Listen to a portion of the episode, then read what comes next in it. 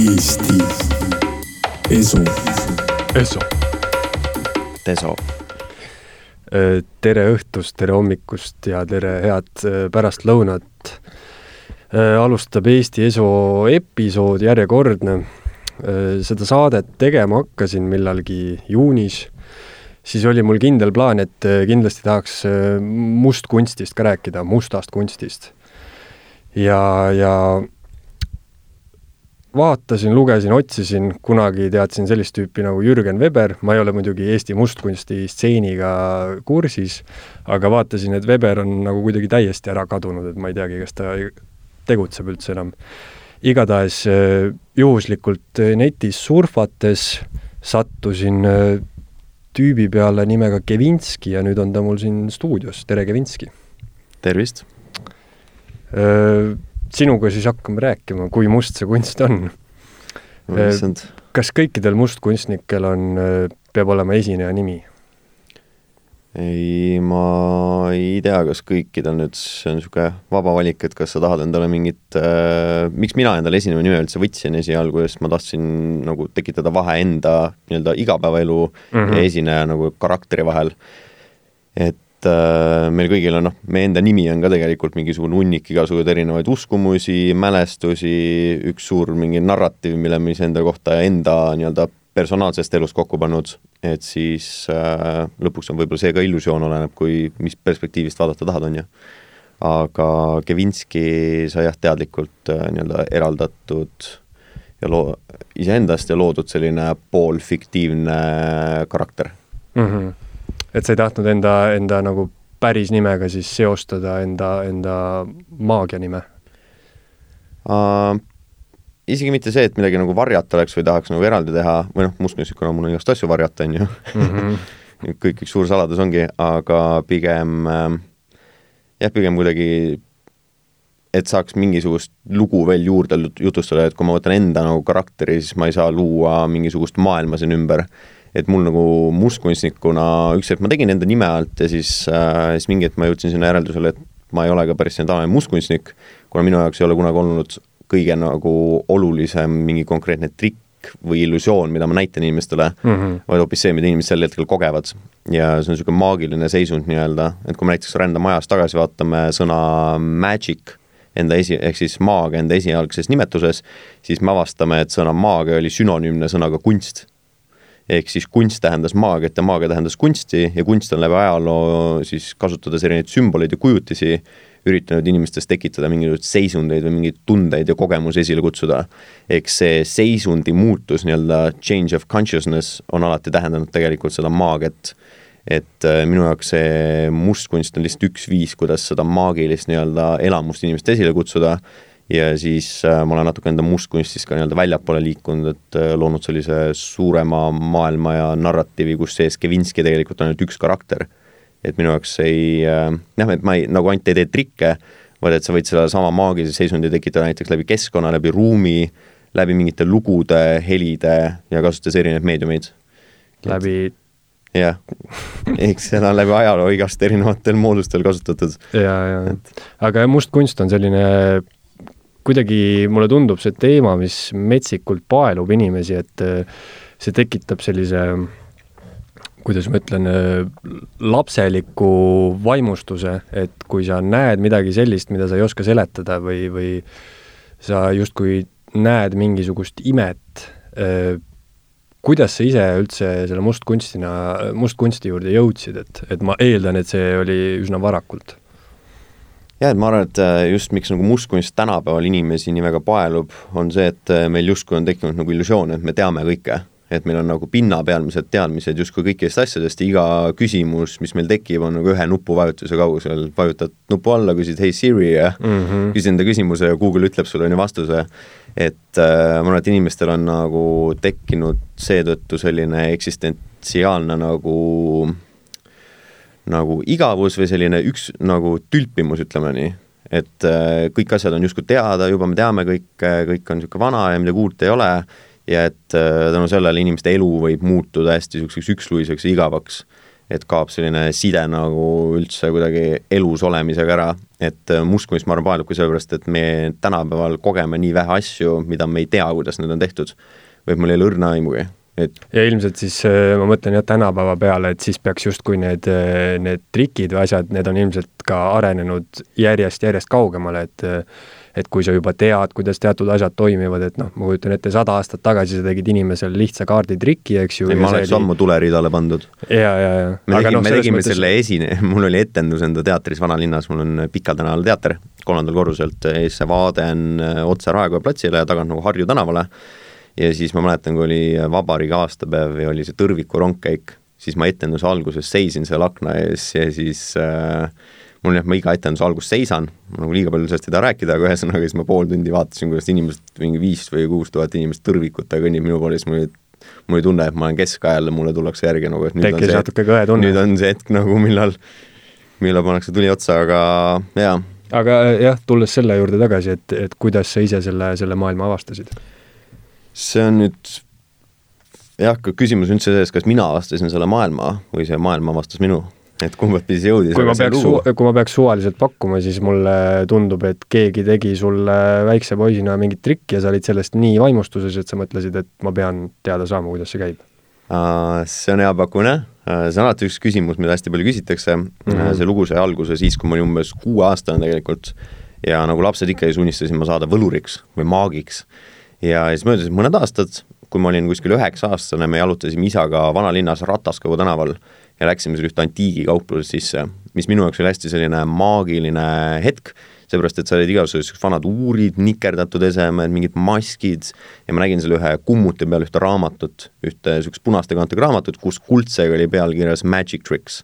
ja siis ma küsin isalt, et mis raamatuga see tegu on ja siis ta ütles mulle, et see on mustkunstiraamat ja siis minu jaoks oli kohe ilmselge muidugi, et me peame selle raamatuga seal koos ära tulema ja et see nüüd ongi see moment, on ju, kus ma saan äh, võluriks ja maagiks ja aga kahjuks me tulime sealt poest ilma selle raamatut ära, sest need on vanaaegne raamat, on ju hästi rariteetne, hästi kallis. jube kallis, jah. jube kallis, aga siis möödusid mõned kuud, kätte siis mu sünnipäev ja siis ma sain paki ja mis oli paki sees, seesama mm. raamat ja siis ma nii-öelda kodeerisin seda lahti seal äh, ja siis õppisin igasuguseid kätteosavuse asju, näitasin enda perele, sugulastele, sõpradele neid kuniks siis ühel hetkel nad lihtsalt enam ei suutnud seda vaadata.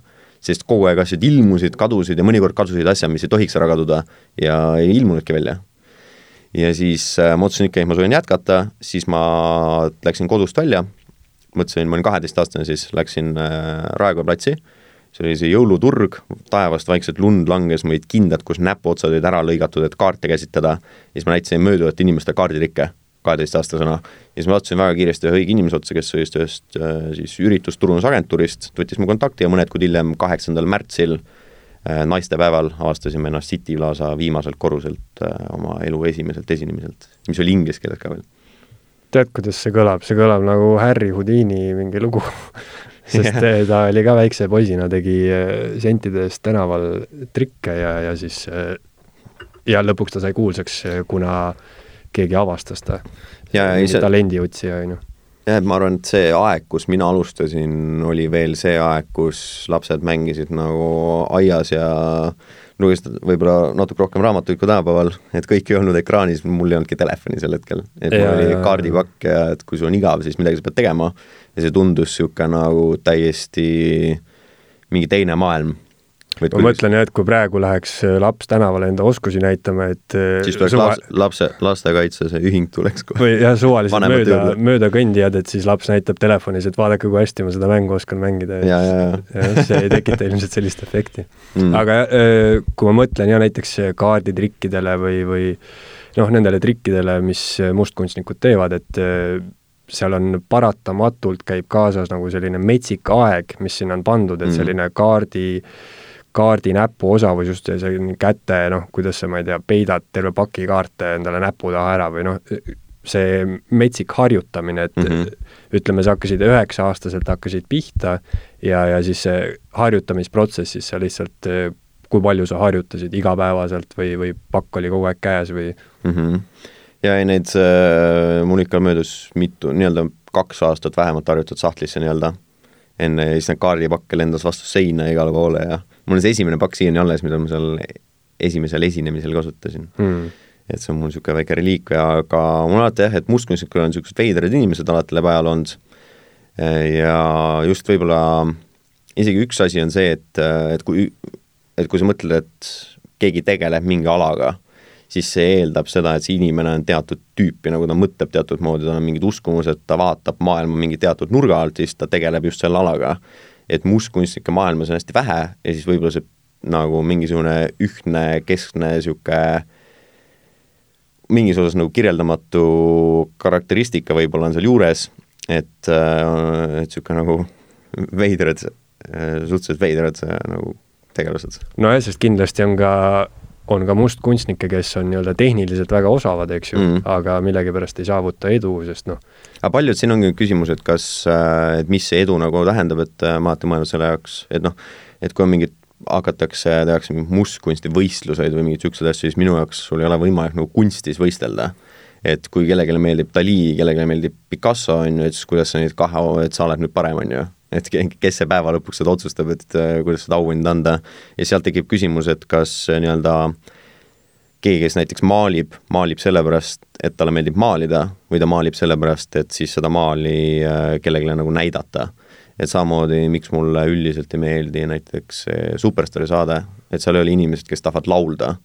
Nad tahavad saada nad tahavad saada lauljaks mm, -hmm. et kõik, mis selle kaasa tuleb, kogu see prestiiž, mis sellega kaasa tuleb, et kui sulle meeldib laulda, siis sa laulad kodus ja tahad laulda, aga kui sa lähed sinna saatesse, siis sul on ilmselt nagu see motivatsioon tuleb teisest kohast, mis ei noh, et sa võid olla nagu hea lau-, justkui nagu laulad ka hästi, aga kuidagi seda äh, sügavat nagu sidet selle kunstivormiga sul ei ole, et see nagu puudub, et inimesed, kes äh, lähevad mingisuguses konkreetses, ükskõik mis see on, tegelevad näiteks eluaeg ühe asjaga, lähevad hästi süvitsi, et äh, mulle hästi endale meeldib niisuguseid lugusid otsida ja lugeda, ma tegin siit lahti ka mõned, et ma võin sulle rääkida näiteks, oota, mis mul esimene tuleb siin.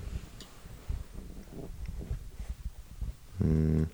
ja et näiteks oli äh, üks see on küll, pole päris mustkunstiga seotud, aga, aga natukene nagu äärest, et üks kaheteistaastane poiss, kes kunagi Vegasesse läks ja siis hakkas seal, kuna Vegases elab üks maailmakuulus nii-öelda kaardipetis, kes ei tee nagu mustkunsti avalikult, keegi ei teagi, kes ta otseselt on, aga ta siis mängib kasiinodes mängimas, on ju. -hmm. ja seal on nagu mustkunst ja seal sa pead nagu see kaarditrikki tegema, nagu see on elu ja surma küsimus, kus vahele lähed, siis sind viiakse sinna kasiino taha ja rohkem sa kaarte ei mängi, on ju et siis äh, see poiss äh, kolis kaheteistaastasena Vegasesse ja siis ta on, äh, ma ei tea, mis selle eestikeelne see mängu nimi on, kus on see craps table, kus sa viskad täringuid lauale ja siis seal on need numbrid erinevad ja siis kuidagi pead õigesse numbrisse viskama õige numbri veel ja, ja, ja mingit, ma ei tea, selle eestikeelset nimetust ei tea. aga ühesõnaga, et ta sai endale emaga koos läksid, ostsid selle suure craps table'i, panid selle endale korterisse see oli vist ühetoaline korter ka või mingi eriti väike, umbes sama suur kui see stuudio siin mm. -hmm. et niisugune pisike ruum, siis oli see voodi, mingi kööginurk, vets ja dušš ja siis oli see suur nagu täringulaud. ja see poiss harjutas viisteist tundi päevas, viskas iga päev täringuid ja umbes kümme aastat järjest. niimoodi, et ta lõpuks oli nii hea selles, et ta võis visata ükskõik kuhu ta tahab, ükskõik mis summa ja siis, äh, kui ta sai kakskümmend üks, siis ta hakkas maailmas ringi reisima ja siis äh, juttude järgi ta praegu teeb umbes sellega mingi miljon kuni kaks miljonit aastas, hästi süstematiseeritult. ja vot see ongi see niisugused nagu täiesti kiiksuga asjad, kes keegi võtab ühe asja, hakkab seda, no viskad päev ja, läbi täringuid kümme aastat, viisteist tundi, kes üldse on nõus seda tegema ja mis su peas peab toimuma, et sa üldse niisugust asja hakkad tegema? see ongi täpselt see, see asi, mis äh, mustkunstnikest rääkides äh, nagu tekitab äh, või no üks asi on see, need trikid ja asjad ja niisugune vau-efekt, eks ju, ja, ja, ja kõik see, aga kui ma ise mõtlen, siis see huvitav pool on just see niisugune haiglane tehnilise oskuse lihvimine, et noh, see viiakse kuidagi nii, nii äh, teravaks, et, et noh, jah, tavainimene lihtsalt ei saa aru, et kuidas sa saad seda täringut niimoodi visata või neid kaarte niimoodi mm. käsitleda, eks ju. aga, aga mis sul endal, äh, ütleme, trikikategooriatest, mis sul kõige rohkem käpas on? trikikategooriatest? või kui niimoodi saab öelda? jaa, vist, vist saab küll, ma jällegi ikkagi jõuan sinna välja, et ma ei ole päris, mind tegelikult need trikid ei olegi nii-öelda kesksed minu jaoks, et just see, et mis kogemus inimene päeva lõpuks saab. aga ma olen alati teinud mitte nii-öelda niisugust klassikalist mustkunsti, et jänes kübarast välja trikki ma ei tee, siidrätikuid ma ära ei kaota või midagi sellist, et mul on pigem selline psühholoogiline mustkunst ja natuke niisugune kaasaegsem mustkunst, mis äh, jah, seguneb niisugune psühholoogia ja, ja siis erinevate asjadega kokku tuleb mingi uus asi, et milline üks selline trikk võib olla, kui sa, kui sa seda kirjeldad mm,? igasugused ennustamised, mõttetu lugemused, et ma mingi hetk hakkasin, tegelesin siis niisuguste klassikalise mustkunsti, noh, kõik alustavad klassikast, on ju. et äh, kas see muusika või joonistamine või mustkunst, siis teed nagu klassikalised asjad läbi, siis ma ükskord avastasin selleni, et äh, et ma hakkasin uurima psühholoogiat hästi süvitsi. Ja siis ma hakkasin küsima endalt igasuguseid küsimusi, et, et kust näiteks mõtted tulevad üldse, hakkasin endalt küsima, et kust mu mõtted mu pähe tulevad siis kui sa üldse seda rida hakkad niimoodi pikemalt äh, lahti arutama, siis sa lõpuks jõuad niisuguse kerge identiteedikriisini, sa saad aru, et su mõtted võib-olla ei olegi päris su enda mõtted või mis üldse tähendab sina ise, et see on ka üks lihtsalt narratiiv, on ju. ja siis, äh, et aju toimub nii-öelda mustri peal, mustrite peal ja siis, kui sa näiteks hakkad lugema, et, äh, et kuidas sul on võimalik mõtteid lugeda, et tegelikult sa ei loe on ju mõtteid, sa tekitad illusiooni, et sa loed mõtteid et kui ma ütlen sulle näiteks, mõtle ühe numbri ühe ja kümne vahel, siis väga suur tõenäosus, et sa valid seitsme. Äh, ja siis, äh, kui sa lased näiteks, äh, ütled naisterahvale no aga ma ei valinud seitset. ja kõi-, see ei olegi nagu üks-ühele, või näiteks mm -hmm. kui sa ütled naisterahvale, et mõtle mingisugusele kaardile, on ju, mingi naiselik kaart, mingi, mis sinna pähe tuleb, siis väga suur tõenäosus, et valitakse Äärtu emand et need on lihtsalt, et see võib-olla kaks inimest kümnest valivad teise kaardi, aga statistika põhjal, kui sa teed seda mm, -hmm. siis sa näed, et hakkavad mingid mustrid välja joonistuma et sa saad neid enda jaoks ära kasutada, siis sul on äh, võimalik inimesi kuidagi suunata mingite teatud valikute peale, et äh, kohe, kui sa nagu konteksti kontrollid, kus äh, sees mingit nagu illusiooni üritad luua, see annab sulle hästi palju võimalusi inimestega nagu selles mõttes mängida. Ja korraks äh, ukse ees rääkisime ka sellest äh, mentalistide teemast, et äh, et selline numbrite äraarvamine ja kõik see nii-öelda mõtete lugemine ja asi, et see seostub mentalismiga, et mis, mis asi see mentalism üldse on? mentalism ongi võib-olla kõige lihtsamini öelda selline psühholoogiline mustkunst, mis toimub siis mõtetega, on see siis äh, mõtete lugemine, kellegi mõjutamine, äh, mingite asjade ette ennustamine, pannakse ka niisugust mingit telekineesi ja asjade liigutamist justkui mõist-, ütleme mõistusega toimiv nagu must no mingisugune kahvlid painduvad ja kõik niisugune, jah, kuigi see läheb ikkagi minu jaoks ka rohkem sinna klassikalise mustkunsti poole võib-olla või et siis on vaja ikka mingeid äh, proppe ja trikke ja asju, eks ju? isegi mitte nagu proppe, aga mm, noh, päeva lõpuks muidugi ei ole see kahvel, mis paindub, see on su mõistus nagu aga no ühesõnaga, see on äh, see Matrix. siis siis äh, seal on väga palju komponente sees, eks ju, et seal on see, seesama statistika, eks ju.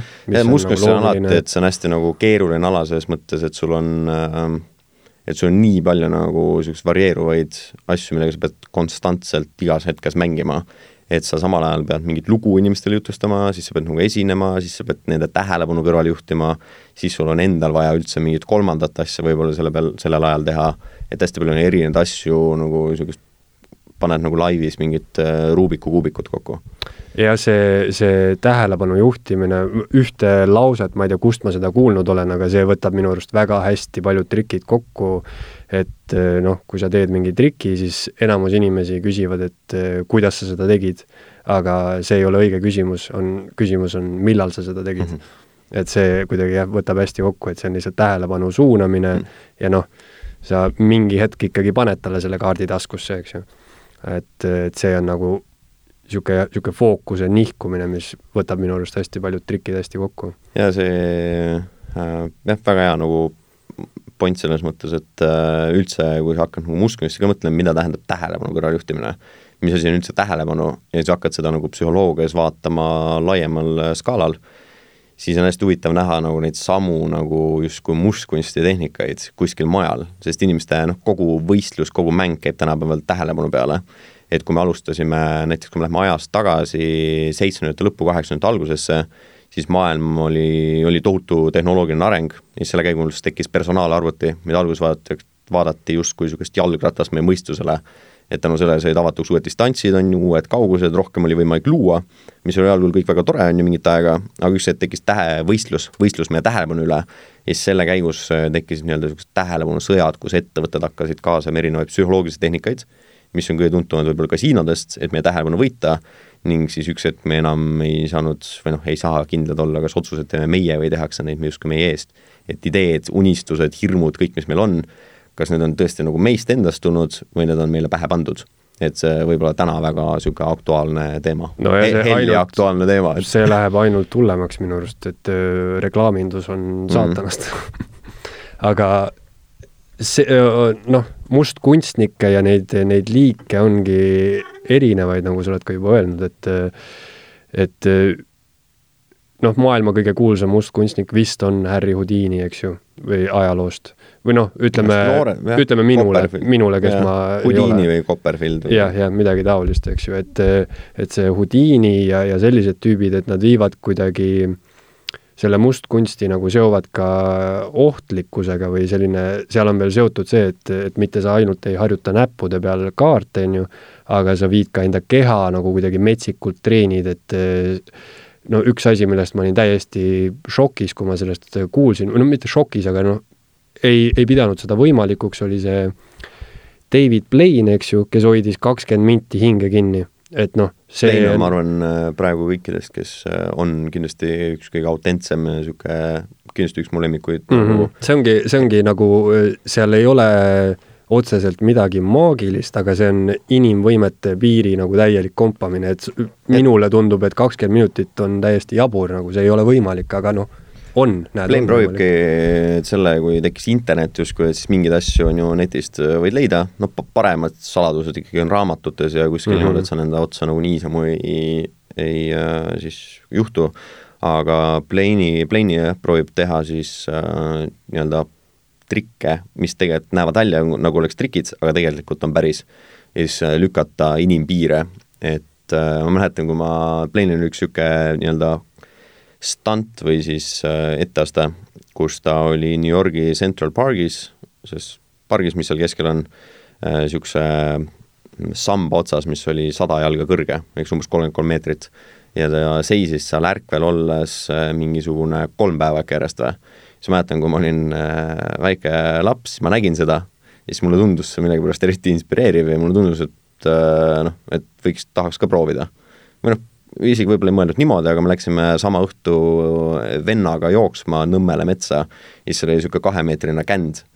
ja siis ma vaatasin seda kändu ja mõtlesin, et äh, noh, et ju siis peaks nagu proovima, et on õige käes, ma ronin sinna kännu otsa ja siis ma seisin seal kuus tundi, kuni läks pimedaks ja siis ma pidin koju minema sest mingi supp sai valmis või ma ei tea, mis iganes juhtus. aga siis ma olin täiesti kindel, et ma võin siin seista kolm päeva järjest ka. et see mul meenub Plane'iga. Aga Houdini, Houdini tegi rohkem, ta nagu nii palju, no ta tegi mustkunsti, aga tegi rohkem jah, selliseid äh, no põgenemised jah, jah. et tema kõige kuulsam võib-olla põgenemine on äh, just äh, sellest hullusärgist, et ta mm -hmm. rippus äh,, rippus seal ma ei mäleta, mis jõe kohal ta rippus, ühesõnaga kraana otsas, tagurpidi, siis ta oli hullusärk seljas ja siis ta püüdis sellest põgeneda ja siis oli selline keeruline aeg, see oli vist pärast suurt depressiooni Ameerikas.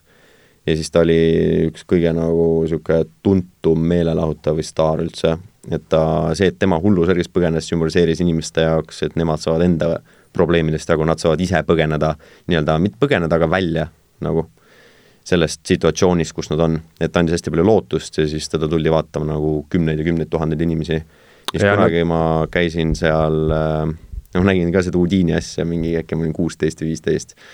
Ja siis ma, ma ei tea isegi tegelikult, kas ma seda lugu tohin rääkida. ühesõnaga, ma käisin äh,, ma tahtsin ka sedasama asja teha ja siis mul oli vaja seda hullusärki. ja siis ma läksin äh,, mäletan äh, siin ühte kohalikku siis ütleme siis asutusse, asutusse eh, jutuga, et tervist, et äh, ma sooviks, äh, et kas teil hullusärk on, et ma sooviks ühte. siis vaatasid mulle imelikult otsa, siis küsisid, et jah, et kas sa, kas tuba on ka vaja nagu ja siis, siis ma seletasin ära, et mis ma nagu teha tahan. ja siis me saime niisuguse, et tegelikult ei tohi neid sealt anda, et siis ma liiga palju ei räägi sellest pärast paneme kuulajad hüpnoosi alla. aga siis ma sain kokkuleppega, et ma, paneb mulle selga seal selline hullusärgi ja siis sa proovid ja välja siis, saada? kui ma põgenen seal nende eest sellest ära, siis ma saan sealt välja mm. -hmm. ja siis nad äh, panid selle mu selga ja siis äh, natuke läks aega, aga ma sain sealt välja ja siis see on mul ka kodus olemas, niisugune väike reliikvia. ja see, see jah, see Houdini maailm tundub äh, noh, omakorda selline ja nagu sa ütlesid, et see veel sümboliseeris ka midagi nagu haaras rahvast kuidagi mingil sügavamal tasandil mm, -hmm. et kõik, kõik see sinna juurde.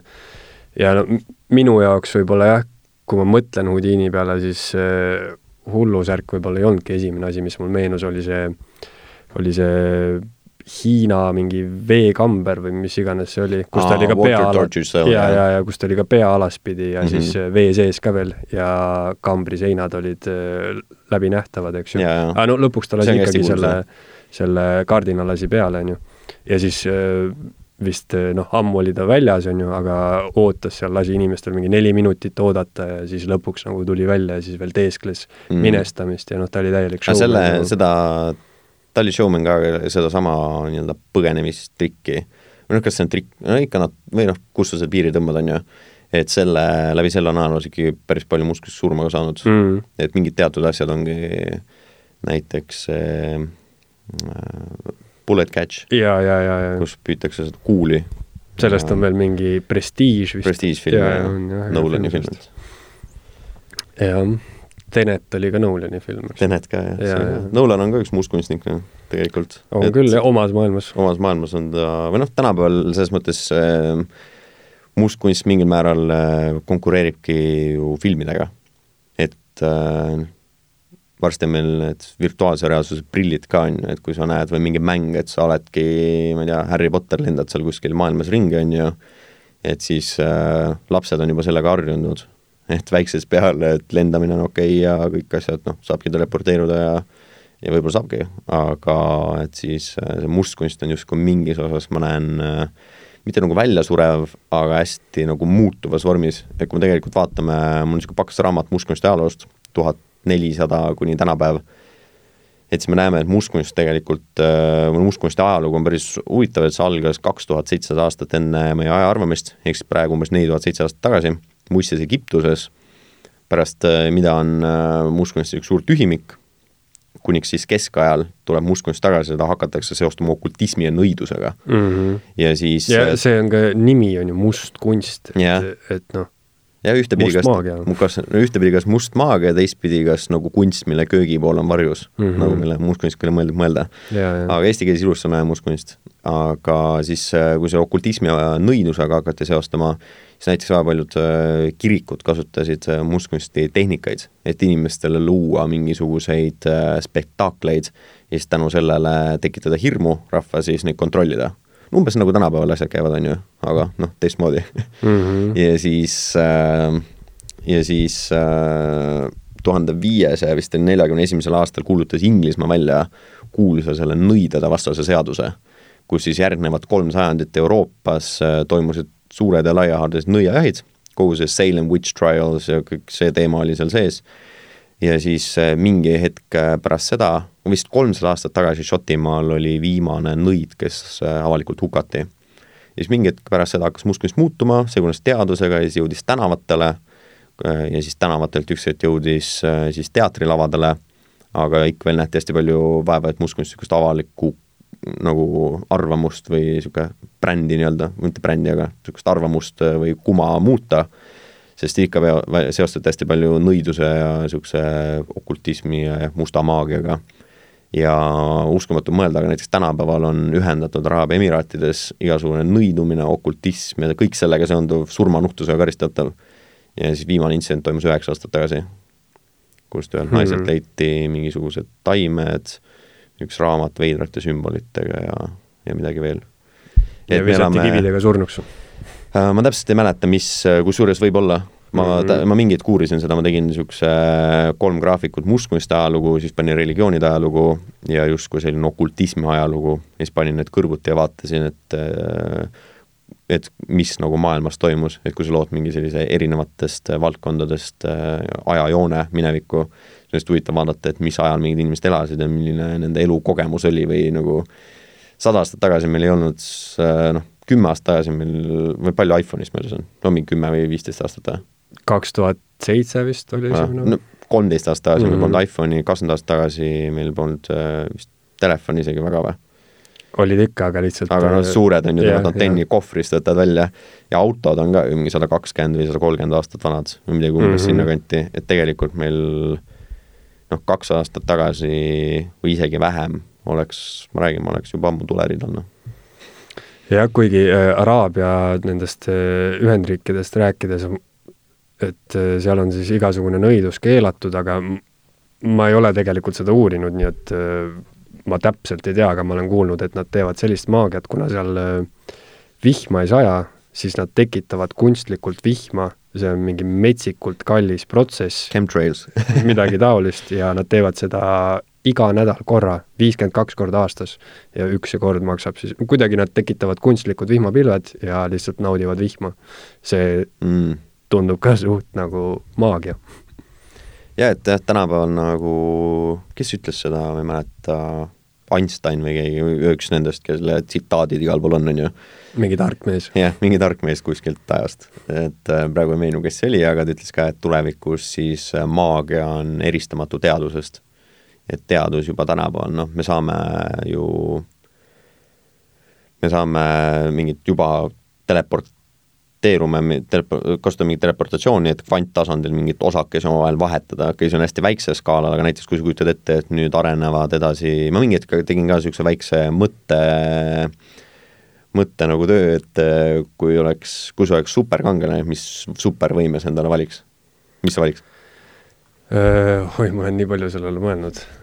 ma valiks vist selle, et, et ma saan aega nagu tagasi pöörata ja mm. ajas rännata, ütleme siis niimoodi. mm. -hmm. teleportatsioon siis, aga nagu ajas just jah, jah.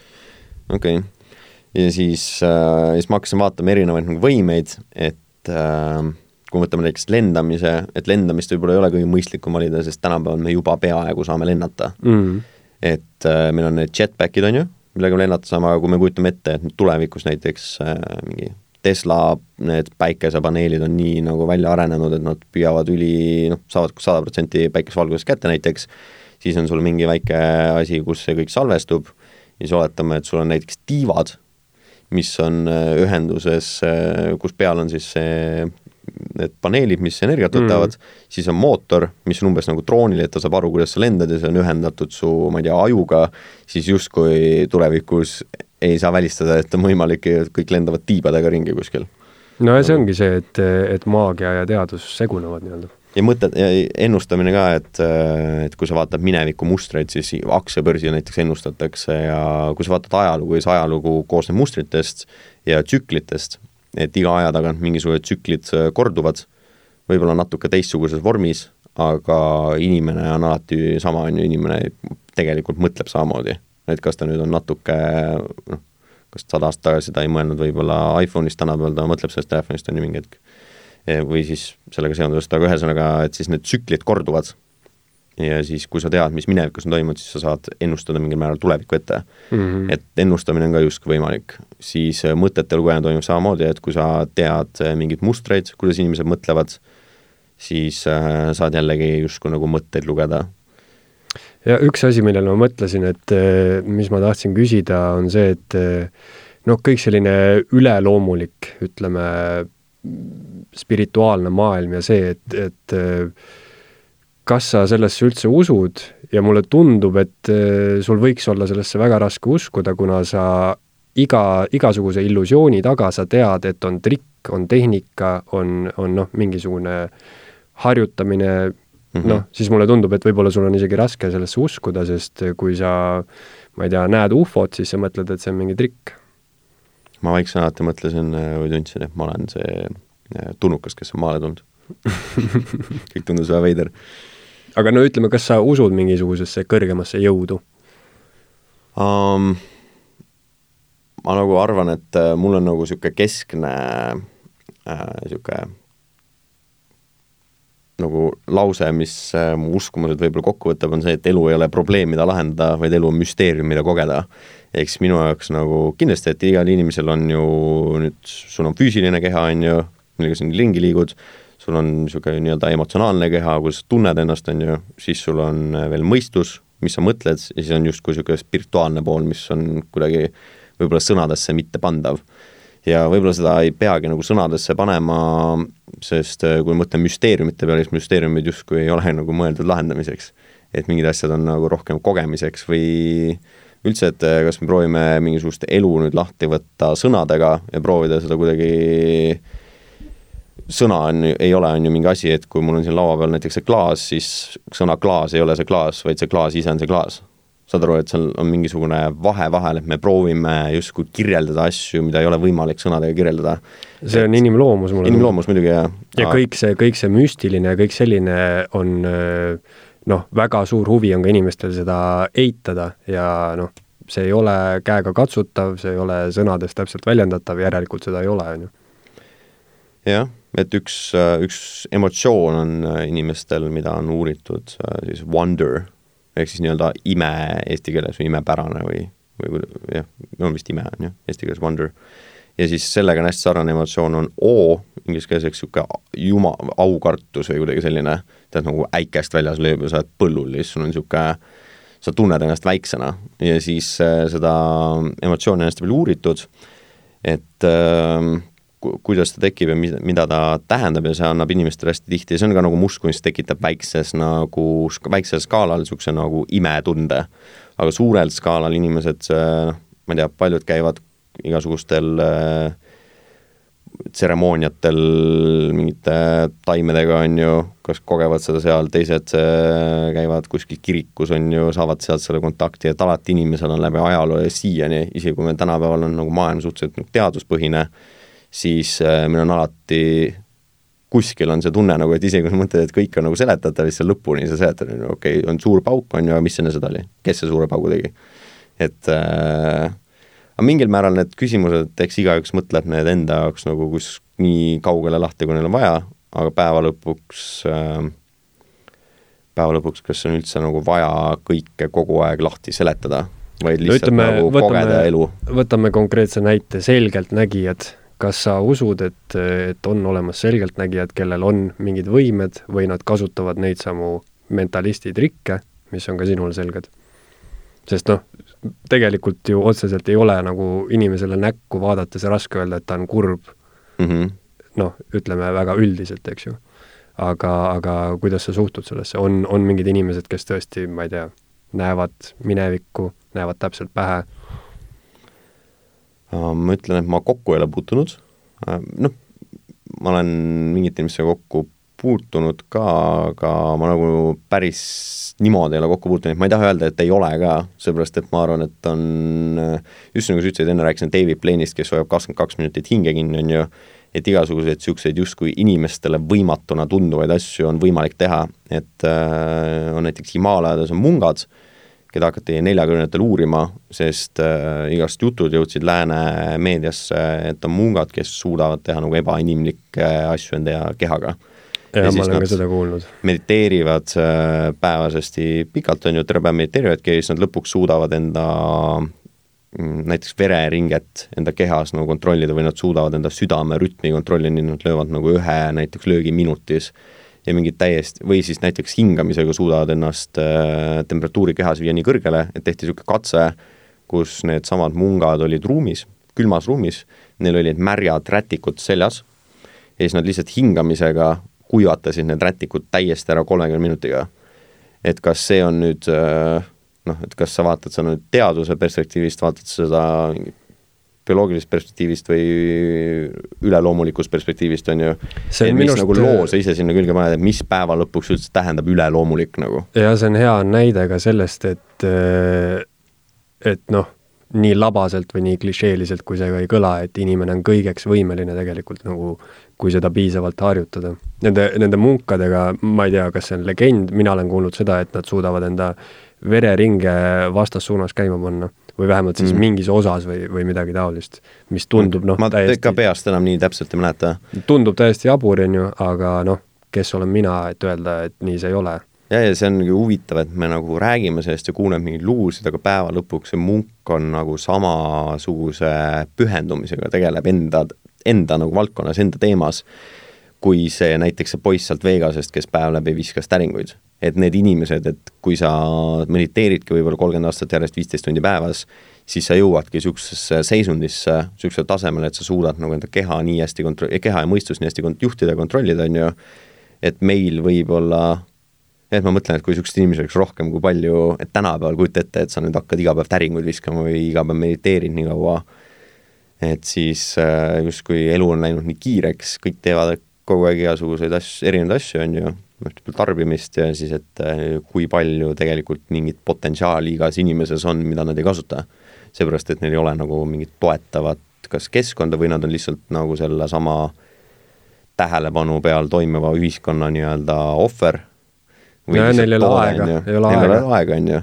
üür tahab maksmist. ja üür tahab maksmist, et siis, siis täringuid ei viska mm., noh ja sellest, äh, sellest tundest äh, rääkides, et, et sa tekitad inimestest kogemust, siis äh, kas mustkunstnikul on, on selline kriitiline aeg lavalt minema minemiseks ka, et, et mulle tundub, et niisugune hästi inimlik emotsioon, kõik inimesed tahavad selgitada nagu välja, panna selle triki sõnadesse, kuidas ta seda tegi, mis, mis toimub, eks ju ja, ja siis äh, kui sa teed selle triki ära, siis ta on selles O-s, on paar mhm. minutit mm, -hmm. Siis peaks nagu lavalt kähku ära minema, sest muidu ta saab kurjaks ja noh, ongi see, see niisugune vana, vana instinkt panna nõiad tuleriidale, et siis äh, noh, inimene kuidagi võib-olla tunneb ennast lollitatult või nagu mm -hmm. ta ei habla ära, on ju, seda trikki. et kas äh, sul on juhtumisi, kus, ma ei tea, keegi saab kurjaks sinu peale? Äh, kurjaks, ma arvan, kunagi olin ma tänaval, tegin ja siis ma vist sattusin ka kellegi täitsa paduuskliku otsa ja siis ta hakkas kõva näoga karjuma, et ma olen saatan mm.. ja siis äh, mingeid niisuguseid asju ikka on juhtunud, aga jaa, kui ma ette aasta lõpetan, siis ma üldiselt ikkagi ise viimase triki teen ärakaotamistriki, et ma kaotan iseennast ära et see tundub mulle mõistlik, jah. või isegi mitte need küsimused, eks need küsimused ka nagu ajapikku hakkavad korduma, aga jah, on nagu ka erinevat tüüpi inimesi, et eks sa näed selle kohta, et kas inimene, et mida ta sult küsib, et kas ta tahab teada saada.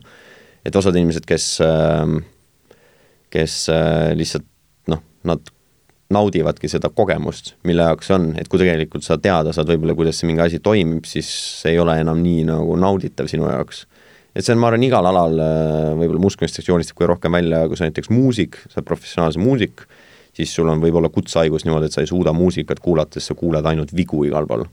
et äh, kui sa oled mingis asjas väga hea, siis on selline kahe teraga mõõk, on ju, kahest otsast, et ühtepidi see on su tugevus teistpidi noh, nagu sa ütlesidki, minu jaoks võib-olla kui ma midagi näen, midagi võimatut, siis ma hakkan kohe mõtlema, kuidas seda teha, on ju. Mhm. et äh, seda nagu välja lülitada, et mitte nagu enda igapäevas olla võib-olla nii skeptiline või see on selline jälle enda sisemaailmaga kuidagi toimetamine, et jah, see on ka niisugune noh, ongi üleüldine teaduslikult mõtlemise mall, eks ju mm, -hmm. et, et noh, kõik on selgitatav, kõik on vaja nagu selgeks teha. jah, et kui sa näiteks mõtled näiteks, võtame teise tunde, näiteks armastus, et sa võid nagu armud kellegi, sa võid hakata seda nüüd teaduslikult lahti seletama, et nii, et nüüd ma tunnen nagu mingit endomorfiine või mis iganes hormoone ma tunnen, on ju, selle tekitas see ja see ja see asi, on ju, sellepärast et mu minevikus on see ja see ja see asi juhtunud, aga sa nagu samal ajal kuidagi rikud selle kogemuse ära, on ju, mm. et äh, kui sa või nagu, et kas igat inspiratsiooni või igat tunnet, mis tekib, on vaja kohe nagu teaduslikult hakata lahti seletama, et sa võid seda teha,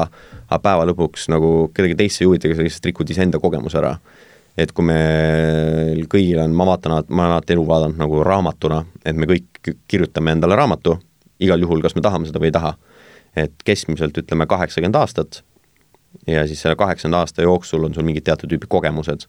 et sa võid küsida endalt, et mis tüüpi raamatut sa tahad kirjutada et kas see on nagu seiklusraamat, on see nüüd hästi skeptiline elu nagu uuriv ja kõike eitav raamat või on see mingisugune romaan või noh, saad aru, või on see üldse mingi kriminaalraamat mm, -hmm. et äh, igaüks kirjutab raamatu ja et päeva lõpuks nagu kui sa näed nagu mustkunstnikuga kuskil esinemas, et kas sul esimene mõte on see, et kuidas ta tegi, kuidas ta tegi, kuidas ta tegi seda, või sa lihtsalt naudid seda kogemust ja siis äh, sellepärast, et see kogemus on tegelikult see, mida siis mina mustkunstnikuna näiteks vähemalt üritan inimestele tekitada. no ja mulle tundub, et, et sa nagu nii-öelda lased endal laps olla, lased nagu mm -hmm. noh, sa ei näe niisugust asja iga päev ja siis, kui sa ja nagu sa ütlesid, et siis sa võib-olla hakkad rikkuma enda kogemust, kui sa hakkad mõtlema selle peale, ma ei tea, jälgid liiga pingsalt, et oh, kus ta selle kuradi kaardi nüüd pani või, või mida, mida iganes, eks ju. Aga seda on ka väga palju ikkagi mm.. et eks, eks nagu see on vist inimloomuses, et ma ei tea, kõike katsuda, et oh, see ei ole päris, et see on mingisugune propp või mingi asi, on ju mm.. kas sul vahepeal äh, laval läheb mõni trikk sassi ka? eks mul nagu ikka mingeid asju läheb sassi, aga mul on see eelis, et inimesed, kelle ma esinen, kunagi ei tea, mida ma teha tahan. et siis, kui mul enda jaoks läheb midagi sassi, siis mul on alati võimalus see välja mängida niimoodi, et keegi teine ei saa mitte midagi aru. Et seda võimalust ma ikkagi siin aga no siis aga vist kas... ei ole, kui ütleme hästi lihtlabaselt, kui sa leiad inimese kaarti ja siis sa näitad talle vale kaarti või seda sul ei juhtu? ka siis on tegelikult ikka võimalused olemas, sa jätad alati nagu endale plaani B ja plaani C ja mm -hmm. ja siis äh, või siis jah, kui ikka täiesti metsa midagi läheb, siis sa saad selle kuidagi kas naljaks pöörata, mingis teises kohas ära kasutada. Tõsi, ja näitad nagu... inimesele kaarti, vaatad ta nägu ja siis ütled, see ei ole sinu kaart. jah, näiteks aga siis on hea, kui sa tead, kus see õige kaart ikka on. jah, ja, ja aga mis äh,, sul on selline etendus nagu aba- äh,, abrakadabra mm. -hmm. mis see etendus endast kujutab? sa natuke oled selgitanud, tänapäevane mm, -hmm. piirid hägustunud jaa, see on, äh, Abrakadabra on siis võib-olla kõige lihtsam alustada seda, et mul on vanalinnas oma väike teater, niisugune maailmas ainulaadne butiikteater ja mis mm -hmm. teeb selle ainulaadseks, on see, et seal on neliteist istekohta, ehk siis piir sellise publiku ja pealtvaataja vahel on täielikult ära kaotatud ja see teater sai ehitatud ka selle jaoks, et ma tahtsin pikalt etendust teha ja siis ma ei leidnud sobivat kohta ja siis ma lõpuks otsustasin, et ma ehitan ise koha. Ja siis äh, ma just tahtsingi teha niisugust intiimset, hästi niisugust pisikeses kohas, et äh, kõik näevad otse enda silma all, mis juhtub, ei ole mingeid suuri kaste laval, sa ei vaata kuskilt tagant reast, sa näed asju, mis toimuvad otse su silme all. Ja siis kogu ruum on ka nii-öelda kujundatud äh, niimoodi, et see tekitaks niisugust sarnast seisundit, just see, et see mustkunst on sinna ruumi ka pandud. et ta on sellises vanas barokk-prantsuse stiilis, mis seguneb kokku niisuguse idamaade müstikaga, et äh, seinte peal on vanad maskid, hästi, ta on antiigi- ja kingituskauplus nii-öelda muul ajal mm. -hmm. et ma otsin sinna üle maailma igasuguseid erilisi asju, lugudega asju, on need äh, antiiksed, inimese loodud, looduse poolt tehtud äh,, võivad ka uued olla, kõik, millel on niisugune kergelt maagiline nagu mingi kogemuse juures.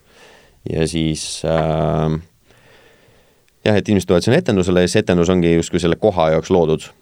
Ja see on neliteist istekohta ja ta on selline segu, segu nüüd jah, sellisest klassikalisest mustkunstist, psühholoogilisest mustkunstist, mustkunstist, mis võib-olla nagu läheb veel nagu sammu võrra edasi ja jõuab võib-olla sinna kergelt esoteerikamaailma mm. -hmm, et ta on mhm. selline segu mustkunstist nendes erinevates siis sfäärides ja samal ajal on seal muusika ja lood ja ta on selline, ma ütleks, et ta nüüd üks nagu selline mustkunstietendus nüüd üks-ühele on, et ta on pigem selline müstiline, maagiline kogemus, mida hetkel siis on võimalik inimestel kogeda. ja me oleme see aasta teinud praegu vist nelikümmend kuus või nelikümmend seitse etendust, me oleme viimase kohani kõik välja müünud, et äh, ülihea tagasiside on olnud, kõik on väga rahul olnud.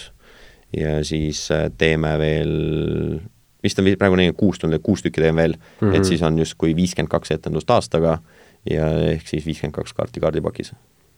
oba yeah. aga kuidas see noh, ütleme mingi trikk või siis mingisugune element sellest etendusest, et kuidas sa nagu mõtled seda välja, et no mulle tundub, et ütleme, klassikaline mustkunstnik, kes teeb äh, laval mingisugust põgenemistrikki, et kõik, kõik need trikid on Harry Houdini välja mõelnud ja kõik on need variatsioonid, on ju, mis, mis välja mõeldakse, et, et kuidas sa nagu, kas sa võtad kellegi triki, teed selle kuidagi ümber, kuidas sa nagu trikke välja mõtled mm.? seal on vahe nüüd, kuidas ma etendust kokku panen ja kuidas ma trikke välja mõtlen. no ütleme, ütleme siis mingisugust nagu elementi mm, sellest mm, etendusest, jah. okei okay,, mingeid trikke ma mõtlen välja, mul on tihti mingid asjad, tekib mingi idee, mida ma tahan teha, siis ma uurin, kuidas seda võiks teha, äh, või mõtlen välja, või siis on mingi asi tõesti, mis kuskil ajaloos on tehtud ja siis ma soovin seda ka teha, aga see isegi ei ole nii palju, mida sa teed, vaid pigem see, kuidas sa seda teed. Et äh, kümme erinevat kunstnikku võib maalida ühte sama päikeseloojangut, aga sealt tuleb kümme erinevat päikeseloojangut, sest igaüks paneb ennast sinna sisse. Jah, ja siis äh, mustkunstis päeva lõpuks sa saad teha nagu ainult äh, piiratud arv asju, et füüsiliste objektidega sa võid neid ära kaotada, sa võid nad kuskilt siis pärast välja ilmutada, sa võid nad leviteerima panna, sa võid nad äh, kuskile mm, katki teha ja kokku panna ja mingid seitse asja vist oli mitu, mida sa teha saad mm. -hmm. ja siis, kui sa võtad nagu psühholoogilise mustkunsti, mis toimub siis mõistusega, ehk siis mustrite peal, siis seal on ka piiratud arv asju, mida sa tahad teha saad, sa võid ennustada, sa võid kellegi mõtteid lugeda, sa võid kellelegi mõtte pähe panna, sa võid kedagi mõjutada ja nii edasi, on ju, sa võid mäluga mingeid trikke teha, et sul on justkui nagu piiratud arv asju, millega saad teha nii-öelda fundamentaalsel tasandil, et siis selle peale sa hakkad ehitama alles äh, mingit konkreetset illusiooni. Ja Et kui ma kaardi, kaardipakiga tundub äh, sama, et äh, noh, väga, üks väga suur äh, osa trikkidest on kaardi leidmine, on ju, mis keegi mm. -hmm. võtab, on ju, aga noh, ja et kas see kaart tuleb nüüd, leiad sa see kaardi pakist välja Ja, ja kaob see kaart teil on. ära ja tuleb su kuskilt, ma ei tea, suust välja, on see kuskil jalatsi sees või mingisuguses kolmandas kohas üldse mm. -hmm. et see on just see, kuidas sa seda teed. ja siis, kui sa oled otsustanud, et enam-vähem millis, no et kus see kaart on ju, kuidas see kaob ja kuhu see ilmub, et siis saab mõelda mingit teksti või mingisuguse nagu narratiivi sinna juurde, et kui see on lihtsalt, mind on alati, ma ei, nagu ei suuda teha trikke, kus on nagu fookus on sellele, et vaata, mis ma teen, et nii äge on ju, et kaart kadus ära, et minu jaoks peab alati olema mingisugune teine nagu tähendus sealjuures, et mida see nüüd, mida ma teen, sümboliseerib. et muidu ta on lihtsalt niisugune noh, äge on ju, aga samas see tähendus ja narratiiv, see on üks, üks hea viis, kuidas tähelepanu juhtida, eks ju. Kui sa teed no, täiesti toorelt vaikuses, siis on see puhas tehnika vist. ja võib-olla ma mõtlen jah, et nagu tavainimesele võib-olla see on jah igav, et seda on ilmselt nagu teistel mustkunstnikel äge vaadata. et eh, kuidas, mis tehnikaga on ju ta nüüd selle kaardi välja ilmutab sealt kuskilt. jaa, kindlasti, et äh, ma, ma esinengi tavainimestele, et äh, rohkem, et no kindlasti käivad mingid spioonid vaatamas, tegelikult ma ei tea üldse palju ei, me, me, Eestis meid on mustkunstnikke. mingisugune Vähe, äkki, neid, kes esinevad, on ikka väga vähe ja et me kõik selles mõttes omavahel ikkagi suhtleme, et meil kõik teevad natuke erinevat asja ka, et äh, aga üldiselt nagu maailma mastaabis ja ka Eestis ma ise, ma nagu ei ole nii kursis, mida teised teevad, et ma pigem fookus, mul on tähelepanu selle, mis ma ise tahan teha, siis ma ajan seda asja, et ma niisugune nagu mustkunsti, justkui võib kõlada sellest tänasest on ju vestlusest, aga ma niisugune nüüd mustkunsti fanaatik ei ole mm. -hmm. et ma kodus istun päevad läbi, vaatan kuskilt, loen mustkunstiraamatuid ja harjutan kaarditrikke. aga olen... kuidas sa üldse veedad enda päevad, kas sa treenid mingisuguseid oskusi või kuidas nagu olla terav? kuidas terav olla? No ütleme ilmselt, kui sa, ma arvan, aasta aega kaarte kätte ei võta, siis ikkagi läheb veits roost, on ju. ma, ma olen, no eks ma olen nii pikalt teinud ka, et ma olen praeguseks mingi viisteist aastat esinenud, et mul on üle tuhande etteaste olnud. et ma iga nädal ikkagi kogu aeg esinen, et siis äh, samal ajal, ajal kui ma esinen, ma justkui harjutan ka mm, -hmm. et see nii-öelda kätest niimoodi ära ei kao. et on lihasmälus sees nagu jalgrattasõit. jah, umbes nagu, või noh, eks ma ikka, kui ei harjuta, siis, siis noh, nii sujuvalt enam välja ei tule, on ju, aga võib-olla no üks osa on sellest liigutustel, teine on see, kuidas sa räägid, kuhu sa tähelepanu viid, et kui ma näiteks vaatan siia, siis sa vaatad ka sinna, on ju. Mhm. jah, ma tõstsin enda käe just üles enda siis pea kõrvale ja siis sa vaatad ka sinna, samal ajal ma teise käega võin nagu ükskõik mida teha, on ju. Mhm, ja see on nii, see on nii inimlik, et seisad tänavanurgale ja hakkad lihtsalt üles vahtima ja mingi paari minuti pärast on inimesed sinu ümber, kes vahivad ka üles. jah, või jooksed näiteks tänaval kellegist mööda ja siis vaatad mitu korda selja taha nagu Mm. ja siis inimene vaatab ka selja taha igaks juhuks, ta ei tea, kes sealt, mis ju toimub, on ju. ja, ja saab ikka mängida inimestega. kogu aeg mängitakse. sina ka. jah, ma mängin natuke teistmoodi, ohutumaid mänge, ütleme nii. jah. ja selle trikkide väljamõtlemisest äh, kuskilt ma lugesin, ma ei tea, kas see trikk on juba toimunud või ei ole, et äh, David Blaine mõtles ka välja triki, et ta tahab äh, õhupallidega juba taevasse, toimus jah? jah, ja jäi ellu ja kõik on korras.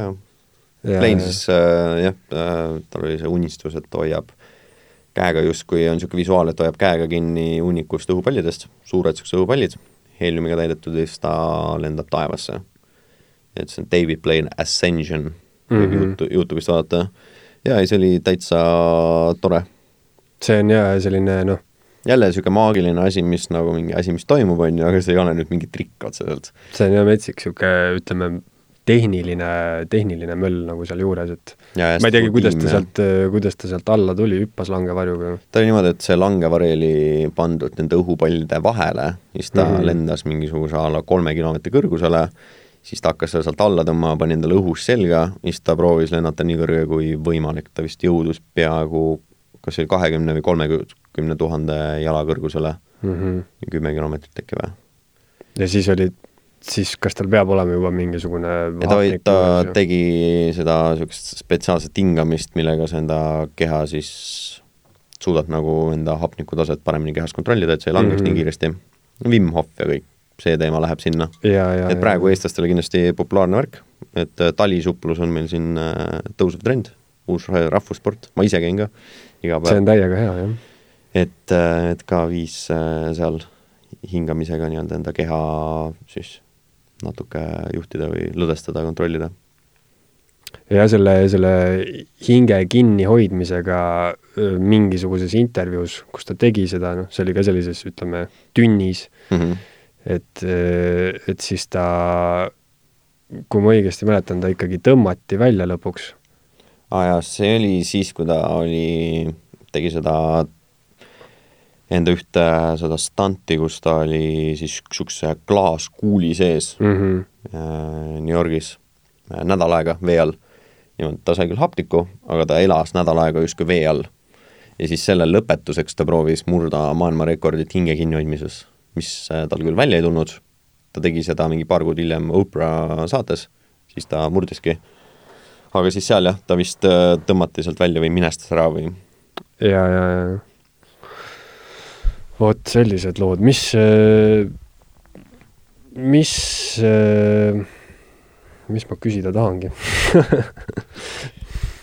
sa ütleme pead, ütlema, ega ma ei oska mõtteid lugeda tegelikult. jah, ütle, mis numbrile ma praegu mõtlen aga kuidas nagu ütleme, sellised just mentalisti nagu sellised asjad, et sa arvad numbreid, on ju, või siis ennustad, ma ei tea, mida inimene ütlema hakkab või mm. -hmm. et eh, milline see inimeste reaktsioon tavaliselt sellele on? et kui sa ära arvad või? jah, oleneb hästi palju inimesest jälle, kindlasti sul on mingi hea nagu statistika, et sa oled näinud seda hästi palju, et mm, mis nagu sellest äh, arvatakse, et noh, nagu me siin rääkisime, paljud võib-olla tahavad seda mingit selgitust või asja, aga nagu niisugune esmane reaktsioon on ilmselt ikkagi selline ei sa ikkagi korra näed, et inimesel jookseb kõik kokku mm -hmm. et see positiivses mõttes, on ju.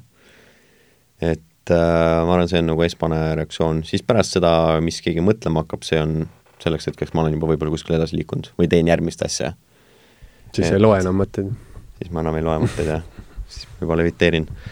et äh, jah, reak-, reaktsioonid oleneb hästi, hästi, hästi nagu jah, et kui näiteks, kui sa lähed kuskile esinema mingile ettevõtte peole või kuskile sünnipäevale või või niimoodi, et siis see on jälle teistsugune keskkond, kus äh, sa saad teistsuguseid reaktsioone versus näiteks sa teed tänavale kellelegi üks-ühele, siis on alati kõigil natuke on ju, et kas sa tulid, mis sa tahad, vaata pick a card, ja, ja, valiks kaart või loed kellegi mõtteid. et siis saad teised reaktsioonid ja siis, äh, kui sa teatris teed, siis need inimesed on spetsiaalselt tulnud sind vaatama, siis sul on aega nendega on ju töötada seal ja koos mingeid emotsioone luua, ütleme, kas, kas sa oled mingisugust erinevust märganud öö, meeste ja naiste reaktsioonides? kui niimoodi on klišeeliselt nagu reaktsioonide kohta, eks ikka naised on võib-olla elavamad aga jällegi oleneb, vahepeal nagu mehed ka, et mul pigem ei ole nagu see, et kas mees, naine, vaid iga nagu konkreetse mingi efekti jaoks, mida ma teen, või siis triki või illusiooni, kuidas iganes seda nimetada, mul on vaja nagu teatud tüüpi inimest, kes mängiks selle konkreetse efekti teiste inimeste jaoks suureks. Ja siis iga inimese, see on mul niisugune, ütleme, kuues meel, mis on aastatepikku välja arenenud, et kui ma näiteks, ütleme, teen ühes programmis, ma ei tea, ütleme ümmarguselt kümme erinevat äh, nii-öelda efekti ja mul on näiteks kolmsada inimest, siis mul on iga efekti jaoks vaja nendest kolmesajast inimesest saada õiget tüüpi inimene, kes mängib teiste jaoks selle suureks, seepärast et publik ei äh, nagu koge seda emotsiooni niivõrd selle pealt, mis juhtub, vaid selle pealt, kuidas inimene seal laval reageerib.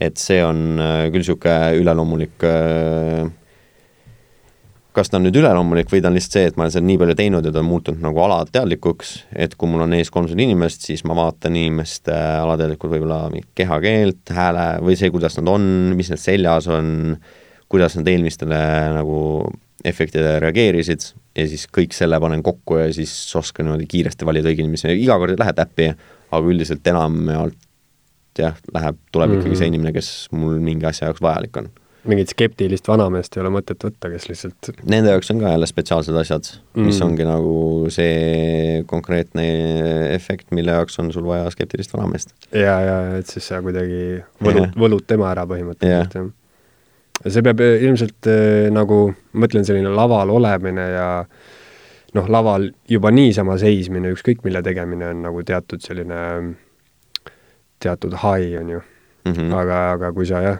veel äh, nagu sellise emotsiooni tekitad inimeses, et mis, mis emotsiooni see sinus endas tekitab? mäletan, et kui siin vahepeal oli see eriolukord ja ühtegi üritust ei toimunud, mida praegu üritatakse ka siis tekitada, et siis äh, tekkiski mingi mitu kuud üle väga pika aja pausi, kus ei olnudki ühtegi nagu esinemist. isegi nagu veider oli, hakkad seda igatsema, sest see on tõesti nagu mhm. mingisugune niisugune mm -hmm. seisund, mida sa ei koge lihtsalt mitte kuskil mujal see toob, äh, see ei ole nagu niimoodi, et sa mõtled sel hetkel, vaid sa, see on see vooseisund, mis tekib. et sa lihtsalt oled, mõnikord sa mõtled, kui midagi kuidagi, kas enda, hästi palju oleneb sellest, mis nii-öelda seisundis ma ise olen enne esinemist. et äh, detsembris mõnikord on nii palju etteasteid, et oled näiteks äh, väsinud, siis pead ise veel rohkem nagu kuidagi ennast sinna sisse panema, et sa oleksid äh, hästi ärkvel, mis ümber toimub. et ei saa nagu lasta ennast äh, lõdvaks ja ma ikkagi, et justkui võiks teha niisugune tead, pool puusalt ja noh, inimesed ilmselt kõigile meeldib, on ju, aga kuidagi ma ei saa seda teha iseenda pärast, sest ma ise tean, kas ma andsin nagu maksimumi või ma ei andnud no ja siis sa ilmselt ise ei naudiks seda, on ju, niimoodi zombina tegemist yeah. nagu. et siis ta muutub niisuguseks äh, äh, nagu jah, kuidagi tööks justkui mm. -hmm. et äh, ja, ja iga kord nagu esinedes on sul tegelikult uus publik, ehk iga kord on sul justkui uus nagu, uus kava või nagu uus emotsioon, uus kogemus mu enda jaoks ka. et äh, inimesed ei kordu ju et need momendid, kuidas sul kellegiga need emotsioonid on iga kord uued, et ma võib-olla nii teadlikult ei mõtle selle peale, sest mul, ma nagu, kui ma esinen, siis ma tegelikult vist nagu väga ei mõtlegi. eks ma, või noh, ma mõtlen, aga mitte niimoodi, et nüüd ma teen seda asja, nüüd ma pean seda ütlema, see kõik kuidagi hakkab nagu mingi automootor tööle, on ju, mhm. et kõik asjad nagu jooksevad ja siis see masin hakkab sõitma, et äh, aga on ka mingeid hetki, kus midagi juhtub ja siis sa pead hakkama koha peal mõtlema, et kuidas sellest olukorrast välja tuled. kohanduma hästi kiiresti. see on hästi huvitav jah mm, -hmm. et mhm. seda ikka juhtub äh,, seda juhtub tihti, et mingid asjad, mis noh, iga kord on erinev ja sa ei saa inimesi ette ennustada lõpuni, mida nad teevad. et kui keegi ütleb midagi, midagi kukub kuskilt või mis iganes siis on, et siis äh, pead leidma kiiresti nagu mingi niisuguse tagavara väljapääsu mm -hmm. või mhm. nagu et no ja selle, selle jaoks peab äh, kindlasti olema ärkvel jah, või selline noh, väga, väga intensiivselt tegin, keskendunud, eks ju. mingi hetk ma tegin äh, tegin niisuguse nagu ühtse kava põhjal ka, noh kui mul etendus on, siis see muusika on ju kõik asjad, ma peangi tegema mingis teatud järjekorras asju, aga siis äh, nii-öelda sünnipäevadel või ettevõttepidudel ma tihti näiteks, et mul on kohver kaasas, kus mul on võimalik teha, ma ei tea, kolmkümmend erinevat asja, on ju, aga aeg on see, et ma saan teha ainult, ma ei tea, kümmet et siis ma hakkan kuskilt pihta ja siis ma tegelikult publiku reaktsioonist saan aru, mida ma järgmiseks võiks teha. et see hoiab äh, improvisatsioon. jah, iseenda jaoks ka värskena. see on nagu sa... Äh, DJ, kes äh, ei mõtle lugusid ette, vaid valib. või mingid bändid, et kui sa tead täpselt setlist ja sa teed iga õhtu sedasama setlist ja neid samu nalju täpselt samal hetkel ja siis sa võib-olla, et mingid asjad muidugi peavad korduma, sul peab mingi kondikava paigas olema, et et noh, sa pakud ikka mingit elamust, on ju aga jätta see niisugune vahetus või kuidagi, et see side tekib inimestega siis, kui see on vahetu. ja isegi, kui nad, sa arvad, et nad aru ei saa, siis nad tegelikult saavad aru. et nad kuskilt, sa tunned, et kas see inimene seal laval esineb sulle ja teeb sedasama asja, mis ta eile tegi täpselt samamoodi juba mingit viiesajandat Mhm. korda järjest.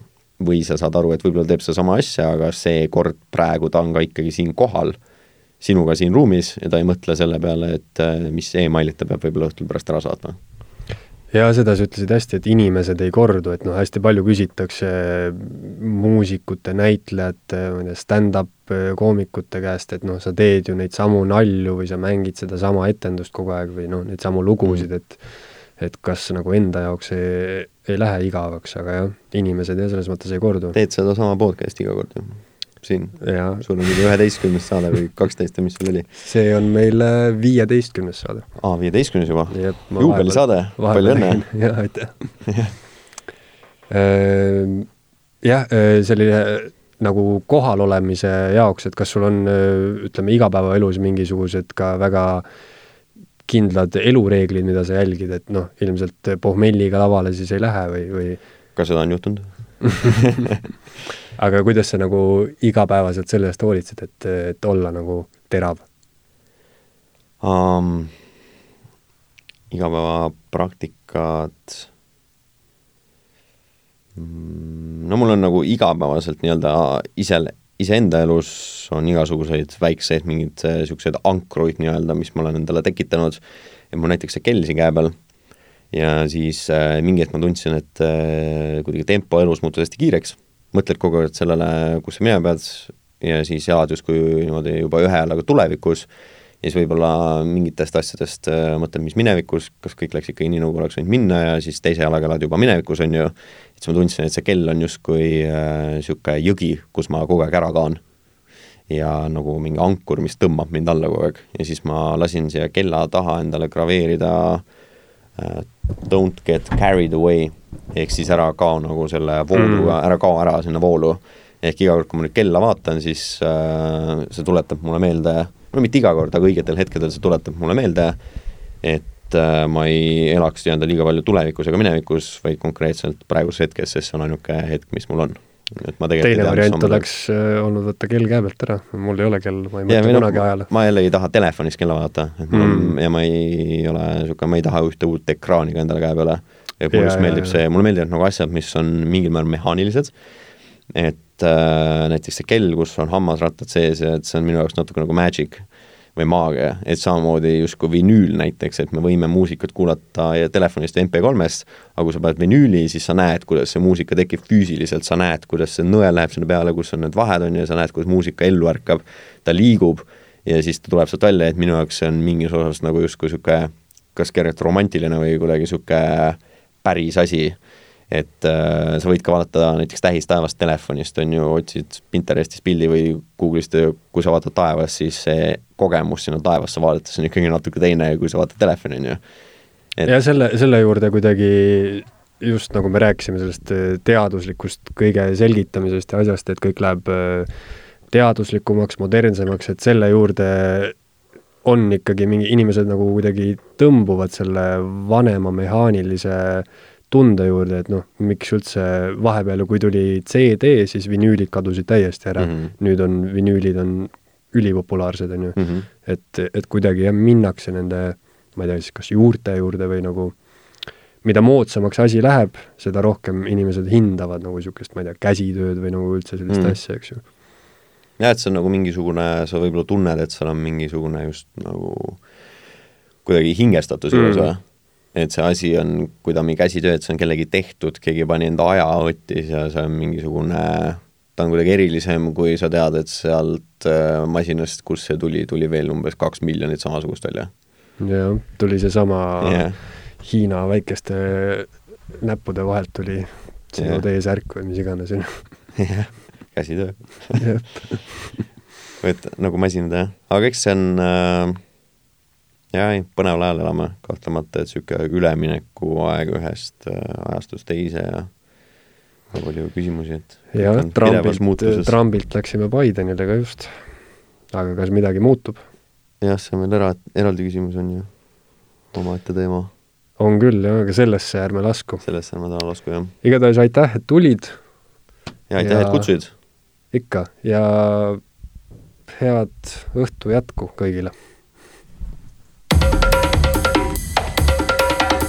Eesti Esu